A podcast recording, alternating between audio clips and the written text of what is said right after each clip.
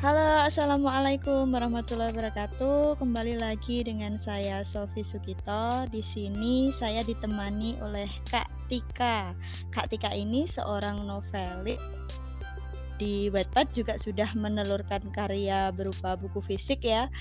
Uh, di sini kita nanti akan bahas sedikit tentang novel dengan genre romance yang tentunya sudah tidak asing lagi di teman-teman pembaca semuanya. Halo Kak Tika. Halo Sof, apa kabar? Sehat Kak. Sehat ya Kak di masa pandemi. Oh, alhamdulillah sehat. Sorry sorry, mungkin ini tadi koneksi ya. Aku nggak begitu dengar tadi pertanyaannya. Oh, iya. Alhamdulillah ah. sehat, sehat banget nih. Nambah berat badan kayaknya aku. Oh, berarti kelihatannya kayak bahagia itu. Bukan karena bahagia, karena PPKM di rumah mulu, jadinya makan tidur makan tidur kelamaan di rumah karena nggak buka-buka kantornya. Oh gitu ya. Uh, Ketika di sini kita ngobrol-ngobrol ya tentang uh, genre romance di novel gitu ya, uh, terkhusus uh, di novel ya kan uh, karya fiksi berupa novel. Ini kan uh, genre romance sendiri itu kan banyak peminatnya, baik dari penulis maupun pembaca kan. Dari hmm. usia remaja sampai usia bahkan orang-orang tua, maksudnya yang sudah uh, di atas usia 40 tahun pun saya punya gitu kenalan yang beliau itu suka sekali baca cerita romance dan romance sendiri itu kan paling ini ya paling sering di mixing sama genre yang lain kan ya kak ya uh, uh, bener bener Oh, nah, soalnya emang karena paling apa ya, paling mendekati uh, dunia kenyataan kayaknya. Jadi makanya nah, kenapa paling diminati. Betul, hmm. karena kehidupan ini kan tidak lepas dari cinta malah. romance sebenarnya nggak nggak kalau romance sebenarnya luas ya, nggak melulu tentang cinta gitu kan. Memang romansa romansa kehidupan gitu kan, nggak melulu tentang cinta yang kalau pasangan cowok cewek gitu kan. Tapi memang e, kenapa mungkin paling diminati ya mungkin karena itu tadi kali karena emang paling mendekati dengan hal-hal kenyataan gitu realitanya yang ada di sekitar kita ya. Jadi lebih mudah mm -hmm. mengekspresikannya dalam bentuk kata-kata ya kelihatannya ya. Bisa jadi kalau memang uh, penulisnya emang suka genre itu. Tapi gitu. meskipun ini ya meskipun dia itu misalkan saya ya saya kan mm -hmm. uh, sebagai pembaca itu kan lebih sering baca yang fantasi thriller cuman kalau baca novel yang genrenya romance itu juga bisa menikmati gitu loh maksudnya karena memang di genre romance itu menurut saya juga oh iya kayak gini kejadian ini ada gitu di dekat saya ada di sekitar saya mm -hmm. misalnya hubungan antara suami istri gitu ya suami mm -hmm. istri konfliknya gini gitu jadi konfliknya tuh terasa lebih realistis dekat, gitu ya. Betul, betul dekat dengan sekitar kita lah ya gitu. Jadi kita bayanginnya juga nggak berat pas baca sambil ngalir aja gitu nikmatinya gitu kan. Nggak perlu beda dengan misalnya uh, cerita fantasi. Hmm. Kalau nggak karena dia memang benar-benar uh, penggemar fantasi, dia harus memang benar-benar menghayalkan atau memvisualisasikan cerita-cerita itu harus benar-benar uh, apa ya? Gak bisa putus gitu. Jadi kita kepotong sedikit aja ceritanya kita udah nggak dapet ceritanya gitu kan. Jadi memang harus benar-benar ngikutin dari awal gitu. Sedangkan kalau romance misalnya dikasih bagian cerita sedikit aja sinopsisnya itu kita udah bisa ngikutin gitu loh. Karena mungkin ceritanya relatable tadi itu. Iya bener. Kalau Kak Tika sendiri uh, awalnya nulis memang sudah basicnya romance ya dari awal ya? Hmm, iya sih kayaknya. Apa ya? Iya genre emang sebenarnya sih nggak karena memilih genre tertentu atau apa ya mungkin karena emang uh, kalau aku pribadi aku tuh suka nonton drakor, tonton aja drakor. Eh, enggak enggak enggak cuman Korea aja sih. Aku suka semua jenis drama dari negara mana pun yang memang uh, genrenya tuh ringan kayak romance tapi walaupun yang agak berat pun uh, yang basicnya memang masih ada romance-nya emang aku suka gitu. Jadi mungkin karena itu kali ya. Jadi ya tontonanku romance, bacaanku juga novel-novel romance. Jadi menulis pun lebih mudah di genre itu gitu karena memang based on apa yang ku tonton, apa yang ku baca kayak kayaknya dan uh, ngeksplornya lebih gampang gitu. Paling kita tinggal mencari uh, ide-ide baru gitu kan. Uh, atau kadang-kadang nggak nggak ide zaman sekarang tuh aku aku pikir nggak ada sih ide yang 100% benar-benar baru. Biasanya kita terinspirasi dari ngeliat sesuatu, terus kita bikin cerita cerita lain dari dari cerita apa karena terinspirasi sama cerita itu gitu. Uh, kalau yang ide 100% baru aku rasa sekarang tuh sangat jarang sih ya. Jadi ya karena tontonan dan bacaanku itu romance jadi suka gitu. Jadi nulisnya jadinya lebih gampang kayaknya ngeksplornya romance gitu Iya, emang kalau uh, apa yang kita baca, apa yang kita lihat itu memang jadi berpengaruh sama kayak tulisan kita ya. Soalnya saya Bener. juga gitu dari mm dulu kan suka fantasi, thriller gitu juga akhirnya kecondongan menulis ke arah sana memang. Mm -mm, mm -mm. Ya emang kayak gitu emang sih. Aku aku bukannya nggak baca ya cerita thriller atau cerita fantasi. Aku baca beberapa tapi bener-bener yang uh, agak jarang gitu. Dan mm kalau misalnya untuk beli sendiri novel itu misalnya novel genre fantasi terus aku beli sendiri itu jarang banget. Pasti novel yang aku beli sendiri itu biasanya emang genrenya pasti romance metropop. Uh, kalau dulu masih zaman kuliah mas malah belinya masih teen lit gitu. Terus oh, iya. Uh, biasanya kan uh, sesuai umur ya karena waktu teen lit itu masih bener-bener bacaannya itu memang masih yang kayak remaja. Walaupun sebenarnya aku udah nggak remaja saat itu mungkin udah lepas dari masa-masa remaja lah ya. Kalau mungkin kalau kalau kata novel sudah yang adult adult gitu kan. Uh, tapi aku masih baca cerita-cerita teen lit gitu, masih suka baca cerita teen lit. Habis itu agak bergeser, baca metropop, baca cerita uh, yang lebih agak dewasa, new adult gitu. Jadi uh, berkembang juga waktu itu bacaanku. Nah ditambah tontonan-tontonanku, aku nonton nonton uh, drakor, nonton drama uh, Chinese drama, nonton drama Thailand, bahkan Masih India. Itu? Uh, kalau lakon ada juga yang ku tonton tapi uh, sekarang tuh serial Thailand juga banyak yang uh, mengadaptasi drama-drama Korea gitu. Jadi uh, memang yang pemainnya muda-muda terus dramanya nggak di yang kayak lebay kayak sinetron gitu. Terus uh, episode episodenya juga nggak panjang jadi nggak boring. Konfliknya juga nggak yang apa konfliknya juga realistis nggak yang terlalu penjahatnya yang jahat banget gitu. Kayaknya uh, apa namanya protagonisnya itu yang menderita banget kayak kayak aku nggak begitu suka kalau yang kayak gitu aku lebih suka yang serial yang rom ya tadi tuh yang balik lagi ke romance ringan ada konflik tapi konfliknya masih relatable gitu mm-hmm. kalau Kak Tika sendiri maksudnya romance yang selama ini tuh kan itu ya Metropop, Ciklit sama apa namanya? Satunya Amore. Eh, apa sih? Am Amore. Amore. Ya? Mm -hmm. oh, itu masuk subgenre ya? Uh, ya itu masuk ke subgenre sih sebenarnya. Jadi sebenarnya kalau genre sendiri kalau kalau sepemahaman aku ya uh, dibilang subgenre iya, tapi dia memang kita lihat dulu ini uh, kita mau nulisnya ini berdasarkan apanya sih kalau misalnya dari usianya mungkin iya gitu kan. Jadi yang ada yang adult mulai dari teen lit yang adult sampai ke new adult gitu kan. Itu kan dibagi-bagi uh, dari usia karakternya ini berapa sih gitu kan. Nanti begitu masuk ceritanya ini nanti basicnya apa sih yang diceritakan? Apakah tentang cerita perkotaan? Oh berarti dia masuk ke metropop. Ataukah nanti dia lebih ke menonjolkan uh, si cewek ini si tokoh pemeran cewek? Oh berarti dia lebih ke ciklit nanti gitu kan. Entah itu dengan persahabatannya entah nanti dengan romans romans atau mungkin juga menyangkut sedikit tentang pekerjaannya tapi biasanya tidak detail ya pekerjaannya. Itu biasanya masuk ke ciklit. Atau uh, kalau yang Amore memang lebih menonjolkan romansanya percintaannya. Uh, dia nggak nggak terlalu nyentuh-nyentuh yang detail terla, uh, dengan pekerjaannya dan keluarganya kayak gitu biasanya. Jadi memang tergantung pendekatannya mau dilihat dari mana. Jadi satu novel satu novel aja menurutku bisa dikatakan punya berbagai genre tergantung melihat dari sisi apanya gitu. Oh ya, kalau Katika sendiri biasanya selama ini uh, subgenrenya yang apa kak? Biasanya. Aku aku biasanya kebanyakan di metropop sih, kebanyakan di metropop karena kebanyakan cerita-cerita aku tuh memang uh, latar latar uh, settingnya itu kebanyakan di perkotaan. Hmm. Itu kenapa metropop kalau metropop kan biasanya lebih ke kota-kota besar memang ya, nggak selalu iya. harus Jakarta, tapi bisa di bisa di kayak ibu kota provinsi kayak gitu tapi memang ya memang kota besar. Rata-rata kayak gitu. Terus uh, selain itu kenapa aku lebih nyaman di metropop uh, aku biasanya kalau nyeritain karakterku tuh detail pekerjaannya eh, pekerjaannya itu detail gitu. Jadi aku seneng gitu.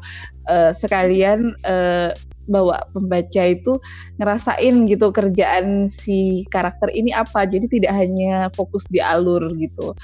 Aku lebih suka kayak gitu Berarti risetnya itu benar-benar harus ini ya, harus brainstorming sama kalau misalkan ngambilnya pekerjaan profesinya tuh nggak nggak sesuai dengan profesinya Kak Tika misalnya ya, mm di luar profesinya Kak Tika berarti Kak Tika juga brainstorming gitu ya sama orang lain gitu yang profesi Iya benar.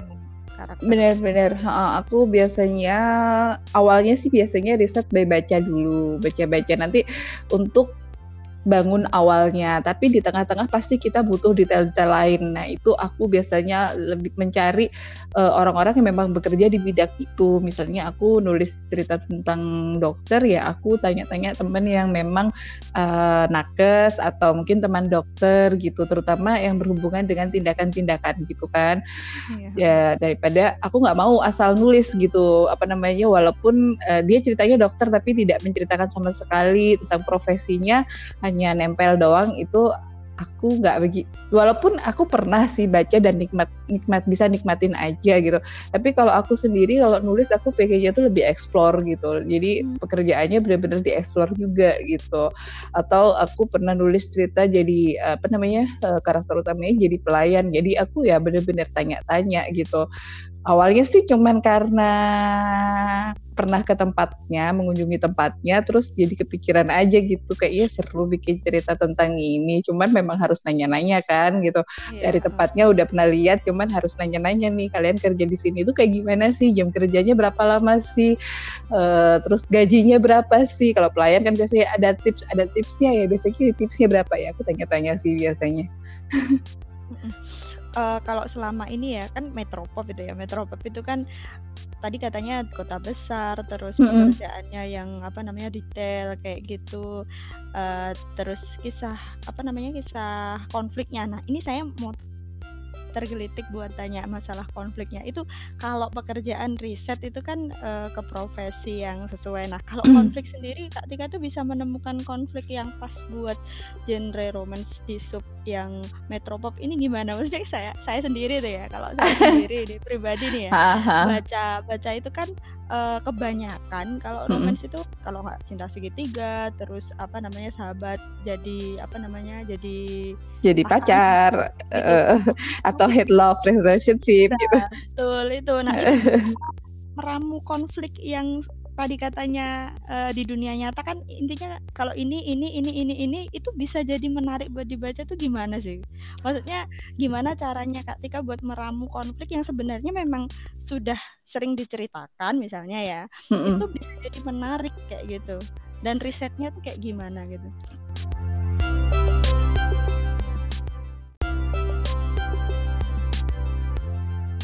Uh, itu dia makanya biasanya kalau aku tuh kalau sebelum masuk ke konflik aku tuh riset itu nggak cuma riset tempat aja nggak cuma riset uh, karakternya atau pekerjaannya itu seperti apa tapi biasanya uh, risetku itu benar-benar tokoh itu benar-benar aku jadiin 3D gitu loh. Benar-benar tokoh ini ada di dunia kenyataan gitu kan. Yang benar-benar kalau misalnya kalau perlu aku cari visualnya di dunia kenyataannya. Jadi misalnya uh, ini kayak ada temanku, eh temanku ini kayaknya enak nih dijadiin visual atau dijadiin newsnya gitu ya. Misalnya itu aku perhatiin misalnya dari gaya duduknya, dari dia kalau misalnya lagi gelisah dia kayak gimana sih atau pas dia lagi berinteraksi sama rekan kerja, berinteraksi sama orang baru kayak gimana.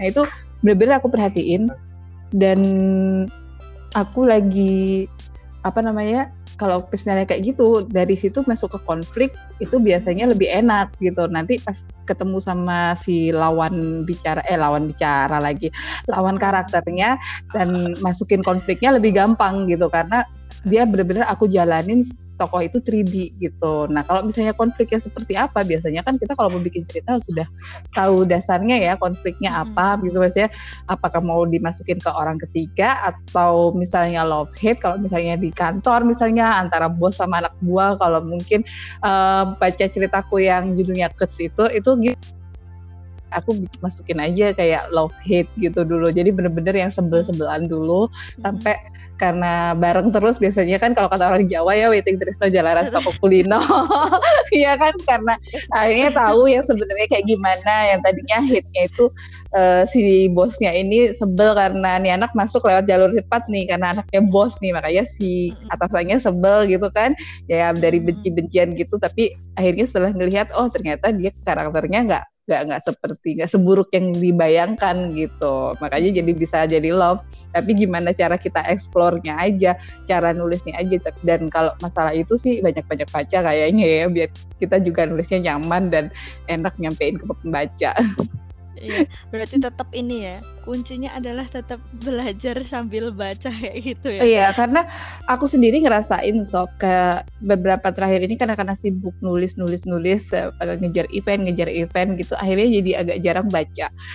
Eh uh, apa ya kayak pembendaharaan kata terus kayak cara menuliskan scene itu ada penurunan gitu. Aku sendiri ngerasain itu karena aku agak jarang baca tadi itu. Jadi memang aku lagi niatin ini uh, aku harus baca lagi karena memang aku ngerasain. Jadi kenapa kenapa aku bilang aku bisa ngerasain aku kemarin iseng baca novel aku yang lama Uh, lalu aku bandingkan dengan novel yang baru. Memang secara penulisan, secara teknik penulisan, ya benar ada ke ke kenaikan. Tapi uh, masalah diksi, terus habis gitu kayak bagaimana cara menggambarkan scene tadi yang aku bilang showing tellingnya yeah. itu yang agak menurun gitu loh. Karena itu tadi karena karena emang karena kita jarang baca. Karena kadang-kadang kita tuh baca itu kayak dapet oh ini loh cara bikin scene lagi kasmaran tuh kayak gini enaknya masuk nih gitu kalau baca gitu ya yeah, uh, karena kadang-kadang kita ya kita udah tahu nih apa yang mau kita tulis sebenarnya kan aku mau nulis uh, kencan pertama nih ceritanya misalnya. Nah, tapi udah tahu sih apa yang mau dilakukan nanti di kencan pertama itu. Nah, tapi pas dituangkan ke dalam bentuk tulisan, kayaknya hasilnya itu kadang-kadang nggak sesuai ekspektasi. ekspektasi. Uh, uh, kadang-kadang feelnya nggak nyampe atau kayak gitu. Aku sendiri kadang-kadang baca kok gini sih gitu. Akhirnya yang ada ketik hapus ketik hapus gitu kan berkali-kali gitu kan. Makanya itu aduh aku kayaknya harus baca lagi deh, baca-baca karya-karya apa namanya uh, penulis lain lain juga gitu karena kadang-kadang baca cerita orang tuh ya itu tadi menginspirasi menambah kosakata gitu. Nah tadi saya tuh tergelitik sama ini ketika Kak Tika bilang tentang diksi itu ya. Nah kalau novel romance itu kan uh, namanya juga romance ya. Itu apa wajib ya pakai diksi yang mendayu-dayu atau yang uh, gue punya gue punya podcast gue sempet jadi interview orang dan gue menanyakan hal yang sama. Oh, gitu ya?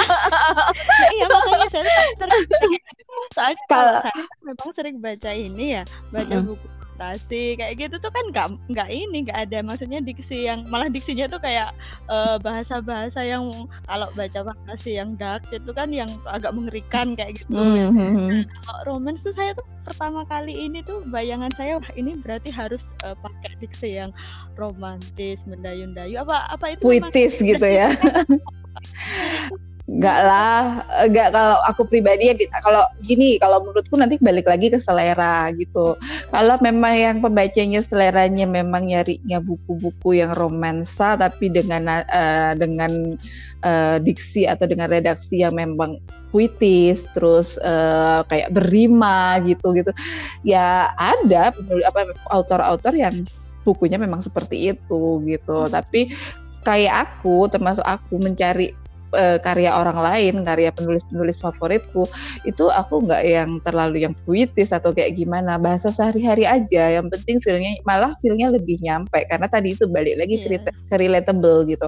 Jadi aku pun nulis pun aku sendiri nulis juga nggak pakai bahasa yang mendayu-dayu, bahasa sehari-hari, lebih menonjolkan ke pas kita showing aja di cerita itu. Showing itu misalnya menunjukin adegan atau nunjukin feel itu feelingnya si karakter biar nyampe ke pembaca hmm. gitu aja sih. Nggak perlu pakai dan itu pun nggak perlu pakai diksi yang harus uh, puitis atau kayak gimana. Enggak sih. Bahasa sehari-hari aja. Takutnya takutnya kalau memang bukan sasaran pembacanya mereka malah nggak ngerti ngomong apa. Kayak ini apa sih artinya yang ada? Lagi enak-enak baca dibangun feelnya lagi romantis tiba-tiba nemu satu kata yang nggak paham artinya jadi buyar gitu loh yang udah dibangun tadi feelnya. Gitu sih. Jadi itu balik lagi ke selera. Membacamu siapa dan uh, tujuan apa sih marketnya itu ke mana gitu. Dan kalau memang dia hobinya nulis seperti itu ya nggak salah. Itu juga ada kok bacanya ya banyak juga malah. Tapi kalau aku pribadi sih uh, memang lebih suka yang sehari-hari. Berarti jawabannya sih enggak harus sih. Emangnya enggak lah. Kalau saya itu kan misal bikin cerita itu ya, itu biasanya hmm. kan yang baku terus bahasanya agak kaku, model-model kayak uh, bikin cerita uh, terjemahan. Model-model kayak gitu tuh. Nah itu kalau misalkan di romance tuh ada nggak sih kira-kira yang seperti itu? Banyak, oh, banyak ya. Bahkan eh, kalau tahu Ilanatan dia gaya tulisannya bahasanya terjemahan tapi eh, novelnya bestseller, bahasanya baku eh, dan nyaman banget dinikmatin bahkan eh, dia salah satu penulis favoritku. Eh, dia nggak ini sih apa namanya nggak nggak yang puitis tapi bahasanya memang dia baku kayak bahasanya kayak bahasa terjemahan gitu tapi ceritanya cerita sehari-hari dan nyaman banget dibacanya romance yang pasti. Uh, nggak harus yang apa namanya kayak pakai bahasa kata-kata yang sansekerta sansekerta lagi. Bahasa-bahasa yang puitis puitik puitik puitik gitu. Enggak sih enggak yang kayak bahasa-bahasa yang kayak gitu. Yeah. mungkin itu ngomong uh, lebih mau ke senandika bahasa-bahasa senandika gitu. Enggak yeah. sih gitu. Enggak sih kayak ilanatan gitu bahasanya terjemahan tapi asik kok dibacanya saya itu tuh pernah baca novel hmm. itu mungkin karena yang bersangkutan pingin ini ya pingin menampilkan diksi yang romantis terus kemudian hmm. yang berbeda tuh. Tapi jatuhnya malah saya itu mungkin otak saya nggak nyampe apa apa malah nggak paham. Bukan karena memang bukan selera kamu aja. Jadi karena nggak seleranya. Jadi ada yang memang pembacanya memang lebih suka bahasa begitu pasti akan wih keren banget tulisannya bahasanya bagus banget. Kalau aku ya nggak nyampe. Nah, sama kamu. Jadi balik lagi. Bacanya. Terus juga selera penulis kalau selera penulis ya balik lagi itu tadi ya memang kalau kamu suka nulisnya seperti itu ya nggak masalah gitu nanti akan ketemu kok pembacanya sendiri gitu cuman mungkin memang uh, untuk diterbitkan di platform misalnya kamu mau terbit di platform itu juga harus nyari-nyari tempat yang pas gitu loh hmm. kalau kayak misalnya kalau platform Wattpad sih mungkin masih mungkin ya karena dia oh, itu iya. luas banget. Iya. Uh, uh, dia genrenya luas banget apa apa aja ada di sana ramah gitu kan. Ya betul dia ramah genre gitu. Atau mungkin kalau mau coba-coba lebih rame cari komunitas di Facebook biasanya banyak yang memang dia sesuai genrenya gitu yang komunitas A lebih suka nulis yang rumah tangga, komunitas B lebih suka nulis yang remaja-remaja gitu. Itu banyak sih kayak gitu. Jadi jadi nemu lingkar baca yang tepat nantinya gitu. Biasanya untuk pemula ya untuk bangun awal cari lingkar baca dulu deh gitu. Kalau memang mau tetap nulisnya seperti itu itu nggak masalah. Jadi kalau memang kamu mampunya di situ, kalau mampu ya. Tapi kalau misalnya nggak mampu, sebaiknya ya jangan dipaksakan harus pakai tulisan puitis. Nanti jatuhnya malah nggak nyampe tadi filmnya gitu. Jadi jatuh ke saya pengen merasakan tiba-tiba feelnya kebanting jadi itu dia jadi buyar. Karena kita tadi nggak ngerti tadi gitu. Kalau aku sih malah nggak dapet gitu. Bacanya lebih banyak mengerutkan kening kayak ya. Ya lebih banyak ngerenyitnya gitu. Apa sih apa sih apa sih? Nggak ngerti gitu. Kalau aku mau bahasa sehari-hari aja. Malah kalau pakai POV satu aku di narasi pun aku bahasa sehari-hari juga nggak masalah gitu. Aku sih ya cuman kalau mau terbit atau apa ya ngikutin penerbitnya selingkung penerbitnya. Penerbitnya bisa apa enggak? Harus benar-benar nyari juga penerbit yang uh, satu visi ya benar ya. benar nggak karena uh, kadang-kadang kan itu masalah idealis penulis juga ya dan Betul, itu haknya iya. penulis ya. juga gitu kan haknya penulis lama sebenarnya kayak aku kayak aku aku bukan nggak bisa nulis baku aku bisa bisa aja nulis baku cuman memang tergantung apa yang aku tulis kalau memang yang aku nulisnya ciklit terus emang narasi uh, tokohku POV-nya satu, POV satu maksudnya sudut pandang orang pertama, terus uh, di narasi pun aku ya nyantai gitu, pakai bahasa yang uh, sehari-hari gitu, nggak cuma di dialog gitu. Ya. Ya, uh -uh. tapi kalau saya baca novel-novelnya Kak Tika ini kan sudut pandangnya kebanyakan orang pertama ya. Enggak juga loh padahal. novelku yang pertama sama novelku yang ketiga sudut pandang orang ketiga. Yang Cuman ayah kemarin itu ya. Uh, yang terakhir tamat ini sih ya. POV satu. Jadi aku memang waktu awal-awal nulis itu aku sengaja sih no, uh, soft nyoba-nyoba berganti-ganti sudut pandang gitu sekalian latihan gitu kan. Hmm. sekalian latihan memang sengaja aku ganti-ganti dan dulu sih nyaman aja sih memang nulis pakai POV 3 tapi sekarang mungkin emang aku pribadi lebih nyaman nulis pakai POV 1 ha yang kemarin terakhir tamat pun itu juga pakai POV 3 tapi waktu nulisnya itu kayak rada nggak pede gitu karena akhir-akhir ini lebih sering pakai POV 1 dan pas kemarin nulis uh, yang buat GWP itu pakai POV 3 itu agak ragu sih sempet nanya sama temen-temen uh, eh, POV-nya aman nggak bocor POV nggak kayak gitu takut aja iya. gitu karena udah lama nggak tulis POV 3 Oh bagus kok, maksudnya kemarin itu juga nggak nggak ini kok, nggak maksudnya nggak meloncat kan uh, biasanya kalau ada misalkan saya ya, saya kan hmm. sering sudut pandang orang ketiga, tiba-tiba ke satu itu jadi kena seranganku kayak gitu. Ah, uh, itu ini sih ya, ya kalau misalnya masalah seranganku serangannya itu itu biasa sih penyakit emang ya. Makanya biasanya tulis tulis aja dulu nanti pas sebelum uh, makanya kalau bisa jangan hindarin mepet deadline ya. Soalnya biar bisa dibaca lagi karena pas dibaca lagi itu biasanya kita baru bisa mangkas gitu.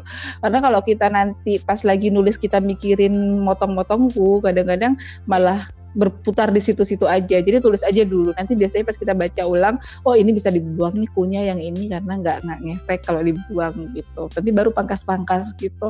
Dan nggak usah dipikirin juga kalau misalnya pun seranganku banyak kok novel-novel uh, terbitan GPU yang pakai POV satu dan serangankunya banyak. It's okay selama pembacanya merasa nyaman nggak masalah gitu. Asal kamunya juga nggak berlebihan banget gitu. Kuku-kukunya muncul di mana-mana. Maksudnya jangan terlalu dijadikan beban juga masalah seranganku dan serangannya itu.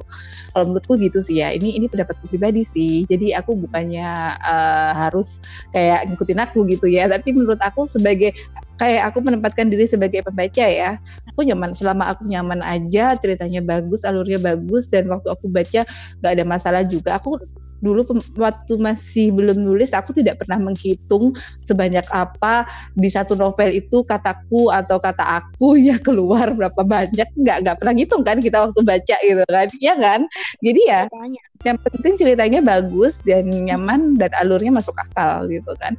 Ya, tapi kalau kita menempatkan diri sebagai penulis ya sebisa mungkin memang seranganku itu dikurangin. Tapi jangan terlalu dijadikan beban banget juga gitu loh yang aduh aku masih seranganku nih gitu.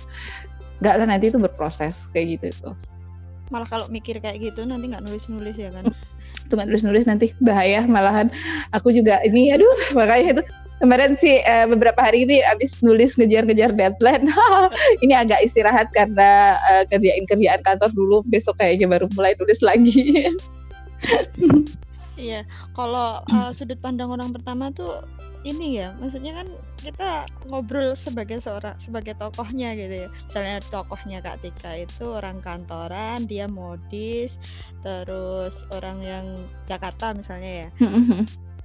Itu kan ya Mm-mm. Nah itu kalau misalkan dijadikan narasi pakai logo gitu nggak masalah kan ya kak biasanya? Nggak, tergantung ini. Eh kalau aku menurut aku nggak masalah. Banyak kok novel-novel. Aku pernah baca uh, soalnya Iya banyak banyak banyak kok novel-novel terbitan penerbit mayor yang memang di dalam narasi pun pakai lu gue lu gue uh, kayak Brian Krishna pun kalau nggak salah seingatku pakai lu gue juga di narasi seingatku ya correct me if I'm wrong. kalau ya. seingatku dan itu tidak masalah tidak masalah. Memang tergantung dari gaya narasinya aja selama memang sama penerbitnya diloloskan dalam artian oh ini bisa menarik pasar why not gitu yang itu loh yang saya pernah baca tuh yang teman tapi menikah itu loh. Saya mikir gini oh gak apa-apa ya oh punya Ayu dia mm -mm. si siapa itu namanya? Ayu dia ya Ayu dia Ayu Ayu dia teman-teman Deka itu juga sama ya kan? Memang karena dia memang waktu itu sama si siapa namanya? Dito ya Dito. Sama Dito. Emang sehari harinya tadinya teman dan ngomongnya lu iya. gue gitu kan. Jadi ya kamu ya nggak masalah gitu nggak masalah. Walau kan mereka pas pacaran pun masih lu gue nggak masalah gitu kan. Apa namanya memang emang seperti itu mereka gitu kan. Dan buktinya nyaman kok yang baca gitu. Malah lebih ngena. Nah mungkin malah lebih ngena gitu. Perpindahannya enak nyaman.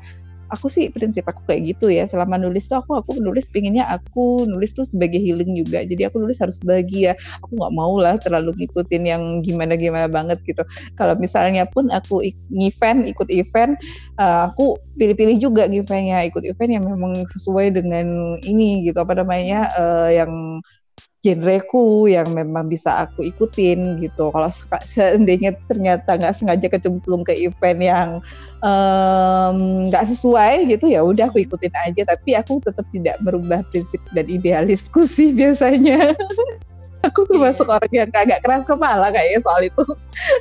Kalau memang penulis juga biasanya kan punya idealisme sendiri ya. Kayak misalkan saya itu suruh ngubah plot juga saya nggak mau. Ya udah ini ini kayak gitu. Ya pasti kepala kalau mau ngubah aduh nah, itu eh, karena menurut aku yang tulisan itu yang mahal idenya sih sob. Nah betul itu. Ya kan? betul. karena kalau kaidah mungkin bisa dibenerin tapi kalau misalnya ngerubah plot atau ngerubah ini kayaknya uh, lah itu ideku sudah jalan seperti itu gitu. Yang ada ini kalau misalnya uh, bahkan mungkin kalau misalnya teman-teman editor yang sharing ke aku lebih seneng kalau misalnya cuma mengkoreksi uh, ngoreksi uh, kaidah aja gitu atau tipu-tipu aja gitu. Tapi kalau sudah misalnya bolongnya di ide itu pasti kerja keras banget gitu. Lebih susah soalnya karena makanya ide itu lebih mahal. Sama aja dengan misalnya aku sebagai pembaca aku aku nyaman bukannya aku nyaman aja kalau misalnya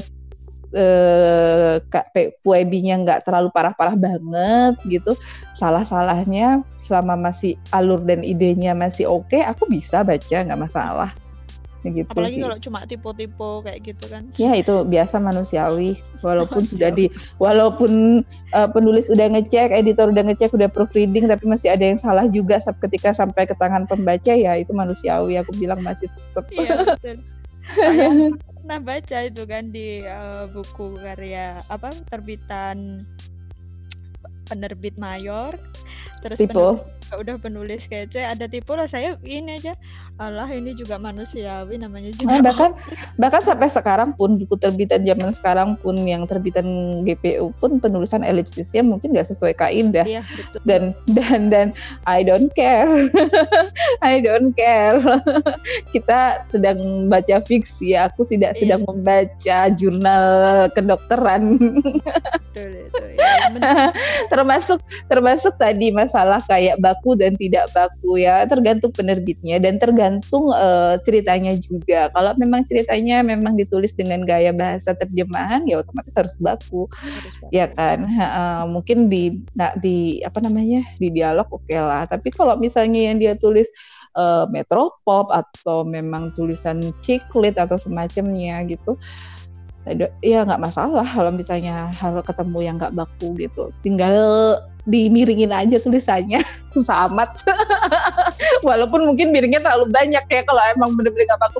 Aku rasa kalau memang banyak yang tulisan dia emang jenisnya nggak baku ya nggak perlu dimiringin sih. Tapi kalau memang dia ada sesekali dia baku tapi ada sesekali yang kata nggak baku keluar ya memang harus dimiringin kan harus di italic. Tapi kalau enggak ya biasa aja santai kalau aku sih gitu ya tapi ya nggak nggak nggak ini makanya nggak semua penerbit bisa kayak gitu tapi setiap penerbit punya aturannya masing-masing gitu. Ya, jadi ya kita nggak bisa memaksakan penulis harus nyari penerbit yang cocok penerbit pun juga akan pasti akan mencari naskah-naskah yang sesuai dengan sesuai. Ter, dengan penerbitannya dia gitu sih. Uh, tadi kan sudah bahas banyak ya tentang romance, terus kemudian sampai ke subgenrenya, terus cara nyari ide dan dan sebagainya. Udah banyak banget kasih ilmu ini Kak Tika ini. Mm. Saya, sharing oh, aja sih ya, sharing, sharing. Tapi saya nangkepnya ini memang masukan yang benar-benar bisa buat dicantolin di kepala gitu karena saya kan ini ya kemarin itu menantang diri buat bikin cerita romance. Mm -mm. Jatuhnya saya tuh sulit mau bikin show itu. Jadi malah telling semuanya. Mm -hmm. nah, kesulitan karena mungkin iya belum terbiasa yang pertama. Terus kedua juga mungkin karena saya terlalu memfokuskan bagaimana saya menceritakan. Kadang kan itu ya yang bikin problem dari penulis ya. Saya e, menceritakan seperti ini gimana ya, gimana ya. Akhirnya kan nggak nulis-nulis. Makanya tadi ketika Katika bilang jangan terlalu dipikirin dulu kayak gitu saya mikir tuangin aja. Kayak kemarin banyak mikir kayak gitu. Jadi uh, biar gak kena kunya kayak gitu gimana. Mm-mm, makanya itu jangan usah dipikirin lagi gitu. Istilahnya itu penting nggak penting nggak penting gitu. Kita belajar kaidah itu penting memang kalau menurut aku. Tapi itu bisa dibelajar sambil berproses lah. Tampil tulis aja dulu dan tulisanku yang pertama juga acak-acakan banget. Ya dalam artian malu banget sih kalau lihat kaidahnya berantakan gitu kan. Tapi ya alhamdulillah ada yang baca dan ada yang suka ceritanya gitu. Which is berarti mereka lebih melihat uh, alur dan idenya dulu gitu kan. Nah tapi kan kita juga jangan terlena dengan misalnya udah banyak pembaca kok terus nggak mau belajar lagi jangan gitu. Jadi kita tetap walaupun sudah pembacanya mm belajar tetaplah gitu. Dan aku iya, rasa yang sekelas kayak model di Lestari apa yang udah famous famous pun juga sampai sekarang tetap berproses dan tetap belajar pastinya gitu. Walaupun mungkin uh, yang dipelajari tentunya beda lah dengan yang pemula gitu. ya. uh, uh, uh, pastilah itu pasti. Pasti nemu aja sesuatu yang baru itu pasti. Dan itu akan terus kayak gitu sampai sampai ya namanya manusia nggak akan benar ya. jangan pernah berhenti belajar lah gitu betul. Aduh ini jadi dapat hmm. ini ya suntikan semangat juga jangan belajar. Kadang hmm. mager soalnya ya itu tadi. Sama seperti kak Tika gitu ketika sudah Iya iya itu itu emang aku aku dan aku mengakui sendiri gitu. Kayak tadi aku betul itu. tulisanku tuh ada penurunan gitu. Dan uh, walaupun mungkin pembaca aku nggak ngerasain atau nggak tahu mereka ngerasain tapi mereka diem aja aku nggak tahu ya. Tapi aku sendiri tuh ngerasain aku kemarin sempet curhat sama temen deket aku tulisanku tuh penurunan banget. Aku habis ngebaca uh, novelku yang pertama walaupun mungkin ya tadi itu aku bilang kaidahnya berantakan tapi uh, sewingnya enak gitu. Nah ini kok malah sewingku berantakan gitu. Aku gitu aku sempat gitu nah, baca kak baca gitu. Aku harus baca lagi kak. Oke deh aku harus sempatin baca lagi. Kayaknya udah lama aku nggak namatin buku soalnya. Kan sambil refreshing juga ya kak. Kalau sebenarnya sebenarnya iya cuman ya itu tadi karena kadang-kadang kita terlalu mikirin apa ya aduh aku belum update nulis nih belum nulis nih belum nulis tapi padahal tulisan kita sendiri jadinya berantakan kalau kita nggak baca gitu iya ya betul. Oke kak Tika. Aduh makasih banyak udah dikasih ini ya dikasih sama-sama sob.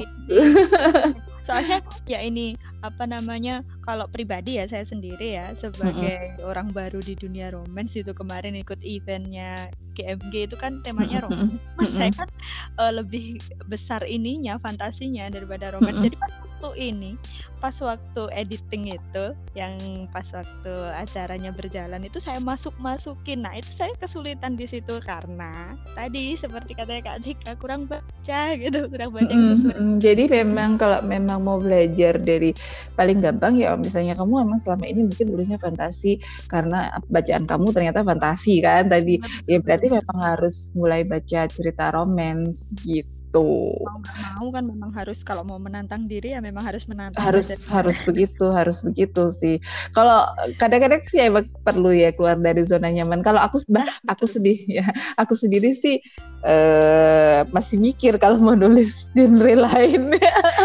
Takut takutnya tiba-tiba flop gitu. Sebenarnya yang paling aku pengen yang pengen banget aku tulis. Masih romance tapi aku pengen banget nulis genre uh, romance komedi. Komedi romance. Oh romcom itu. Iya aku pengen banget bisa tapi ya itu tadi komedi kalau kita gak bisa ngebawanya malah tadinya flop gitu jatuh malah garing gitu kan. Garing oh. yes agak takut juga kan makanya. Ya belum sih tapi itu salah satu uh, keinginan aku lah pengen banget sih Ya, nggak tahu kapan. Nggak tahu kapan.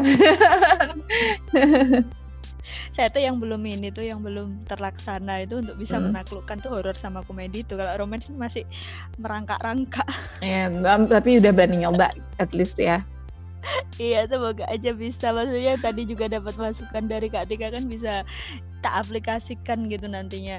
Mm-hmm. dia caranya apa namanya menghidupkan tokoh terus uh, konflik meramu konflik yang sehari-hari atau yang biasa mm-hmm. udah biasa kadang kita nggak usah mikirin menarik, konflik yang berat-berat gitu sih. Aku ya, nggak uh, uh, harus lah yang kayak harus berat banget ya. Duh ini konfliknya ringan banget nggak nggak harus. Yang penting gimana cara menyajikannya aja. Itu kan yang kadang-kadang jadi kendala gitu Iya, uh, uh, maksudnya gimana biar bisa konflik itu tuh sebenarnya udah sering, cuman bisa ngena gitu loh Betul dan dan dan nggak apa nggak mainstream walaupun ya, mainstream tapi nggak nggak apa ya nggak nggak kayak cerita orang-orang gitu. Gimana kamu ngeramunya dan menampilkannya itu tadi balik lagi. Oke Kak. Aduh ya ampun terima kasih banyak ya Kak. Sama-sama ya, sama-sama. Mudah-mudahan manfaat. Amin, amin. Buat pendengar juga yang lain, teman-teman yang lain yang dengerin juga semoga yang masih penasaran dan ingin coba-coba buat uh, bikin cerita-cerita romance mungkin dari awalnya cerpen terus bisa Hmm, aku dulu juga awalnya dari cerpen. Halo? Putus-putus. Halo, ya. Putus-putus. Ya, Ulang lagi. Udah nerbitin berapa novel nih kak? Kalau boleh tahu. Halo. Uh, tiga. Udah nerbitin mau empat. berapa novel nih kira-kira? Tiga. Tiga, insya Allah mau empat. empat. amin, amin, amin. Tiga, mau insya Allah mau empat. Yang ah, enggak empat masih editing. Lagi proses. Oh, uh, proses. Oh, ya, ini berarti bentar lagi mau Amin, amin, amin. Mudah-mudahan editorku belum nyadar dan belum lagi-lagi sih. Aku soalnya masih kerjain kayak yang lain. Tadi siap, nanti maksudnya siap, siap-siap ini ya. Kalau misalkan launching nih siap buat apa namanya meraih sukses dari yang dulu-dulu pastinya. Uh, harapannya sih gitu ya. Sebenarnya sih novel yang mau aku terbitin tuh yang texting itu yang kemarin ikut GMG Hunting Writers uh, itu pembaca sebenarnya sudah banyak yang nanyain gitu. Karena memang uh, rata-rata pembacaku tuh dari semua yang cerita yang udah pernah aku ter uh, aku publish baik itu di platform atau yang udah dicetak itu katanya yang favorit sih memang texting gitu. Maksudnya kalau aku nilai-nilai sendiri kan kemarin aku sempet kayak bikin apa ya, kayak bikin pertanyaan, ngelempar pertanyaan gitu di sosmed mana sih dari cerita-cerita yang udah aku tulis mana yang paling kalian suka dan kenapa kayak gitu. Iseng-iseng aja nanya sama pembaca dan memang rata-rata memang lebih banyak suka yang texting gitu gitu. Gak tahu kenapa juga. Tapi kalau misalkan udah nerbitin itu dalam buku, buku cetak itu kan biasanya sudah dapat pembaca juga kan kalau buku selanjutnya pastinya lebih enak juga ya kak ya seharusnya sih harusnya harusnya kalau kita menjaga hubungan baik kita dengan pembaca juga gitu Ayo, jadi itu penting Mm-mm. Jadi jangan males ngebales misalnya update di platform atau di sosmed jangan males deh baca apa balas-balas komen balas-balas komen pembaca kayak gitu tuh penting sih menurutku. Okay. Oh, hmm. Kak Tika, kalau di Wattpad akunnya apa Kak? Mungkin ada teman-teman yang mau Oh, boleh boleh boleh aku promosi deh. promosi. promosi sekalian. Boleh cari aja uh, Tika R Dewi atau Tika? kalau misalnya Tika R Dewi. Mm atau Tika underscore R underscore Dewi boleh atau biasanya dicari Tika R Dewi gitu ketemu sih. Wattpad ya ini ya? Itu hampir di semua platform namanya itu kok. Mm -mm. Kalau Instagramnya? Uh, etika underscore r titik dewi. Itu ya.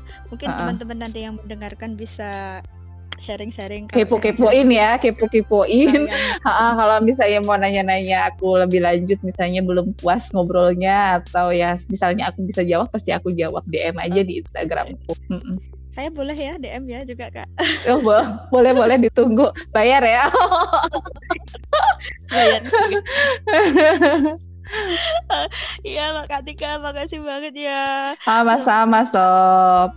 Semoga bisa jadi uh, amal gitu ya untuk ilmu. amin, amin, amin, amin, amin. buat uh, peluncuran buku textingnya nanti. Amin, entah kapan. sebentar lagi ya secepatnya gitu aja terus tiap iya. ditanyain sama readers kapan sih mbak diterbitinnya gitu beli itu. Kenapa?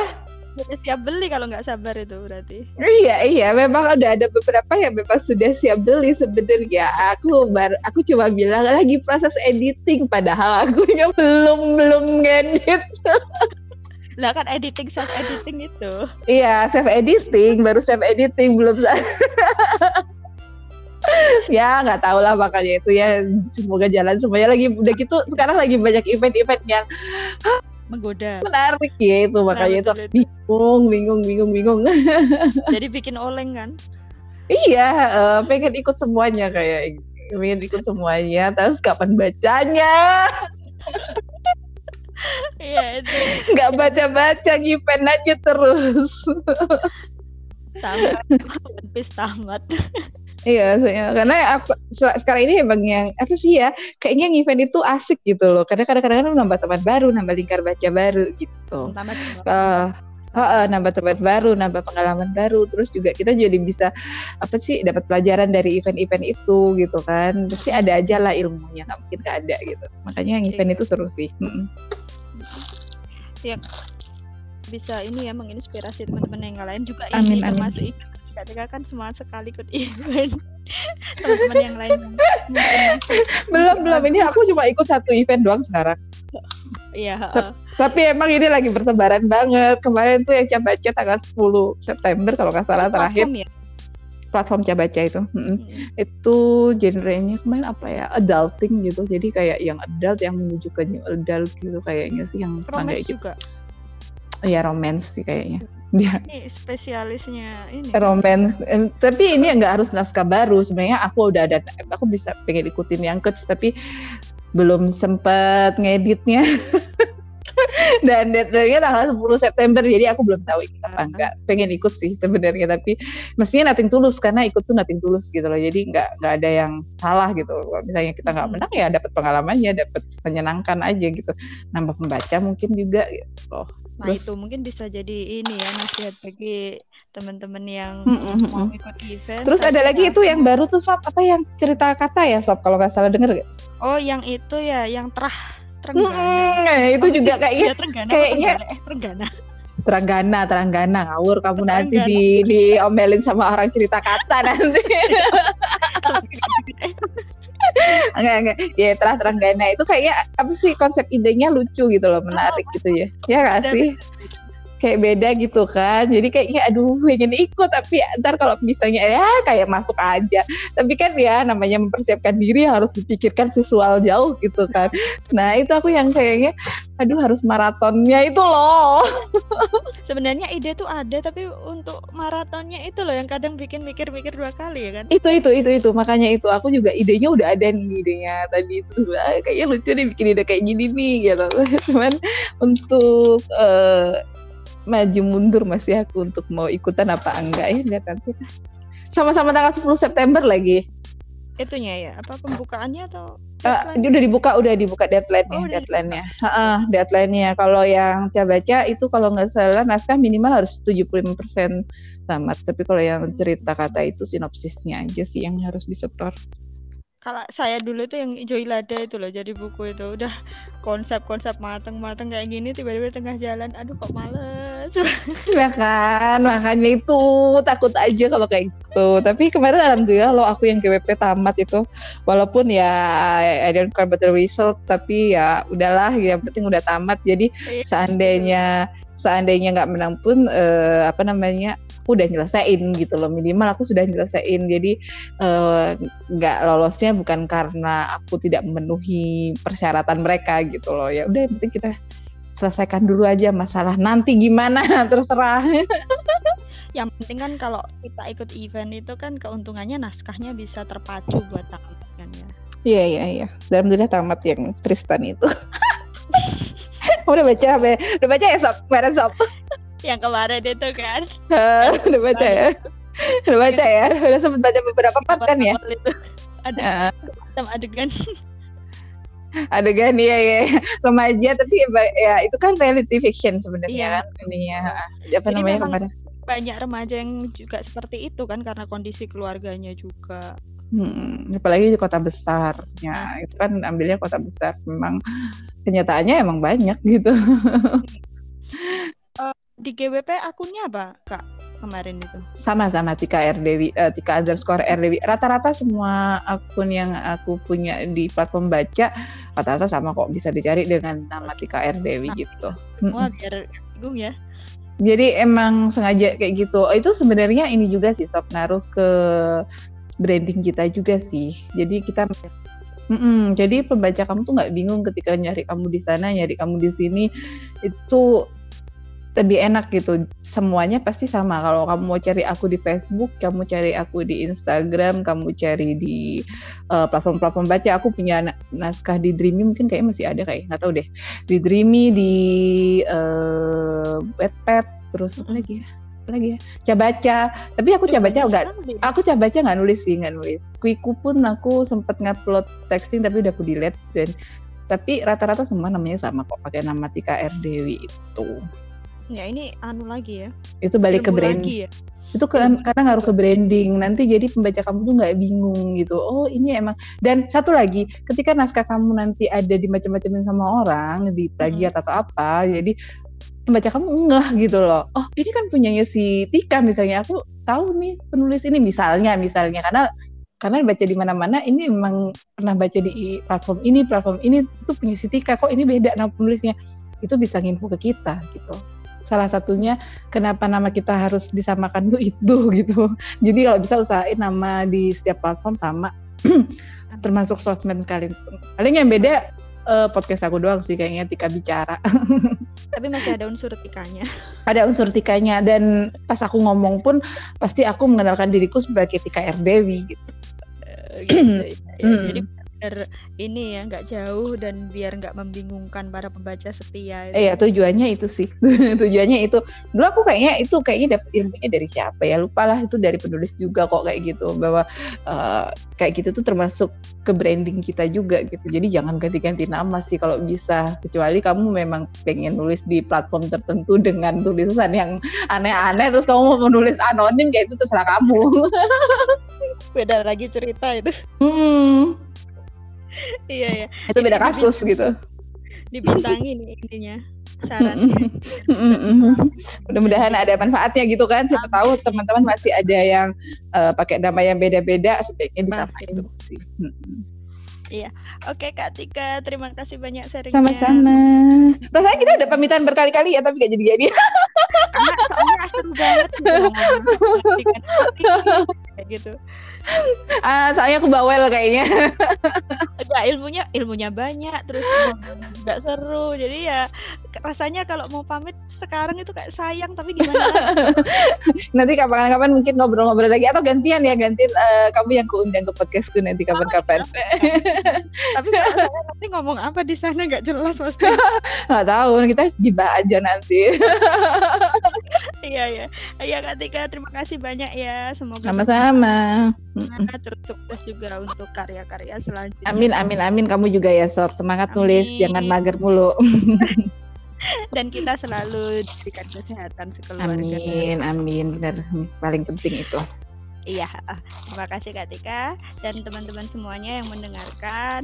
Semoga podcast ini berguna. Terus juga ilmu-ilmu dari Kak Tika bisa kita jadikan ini ya uh, suatu masukan yang bermanfaat baik sebagai pembaca ataupun calon penulis gitu. Banyak yang pastinya penasaran pengen nulis romans tapi bingung kayak gini kan udah kasih masukan banyak nih Kak Tika ini semoga bisa diterapkan. Kayak gitu saya sendiri juga. Oke, dari saya cukup sekian. Kak Tika terima kasih juga. Oke, uh, sama-sama. Assalamualaikum warahmatullahi wabarakatuh.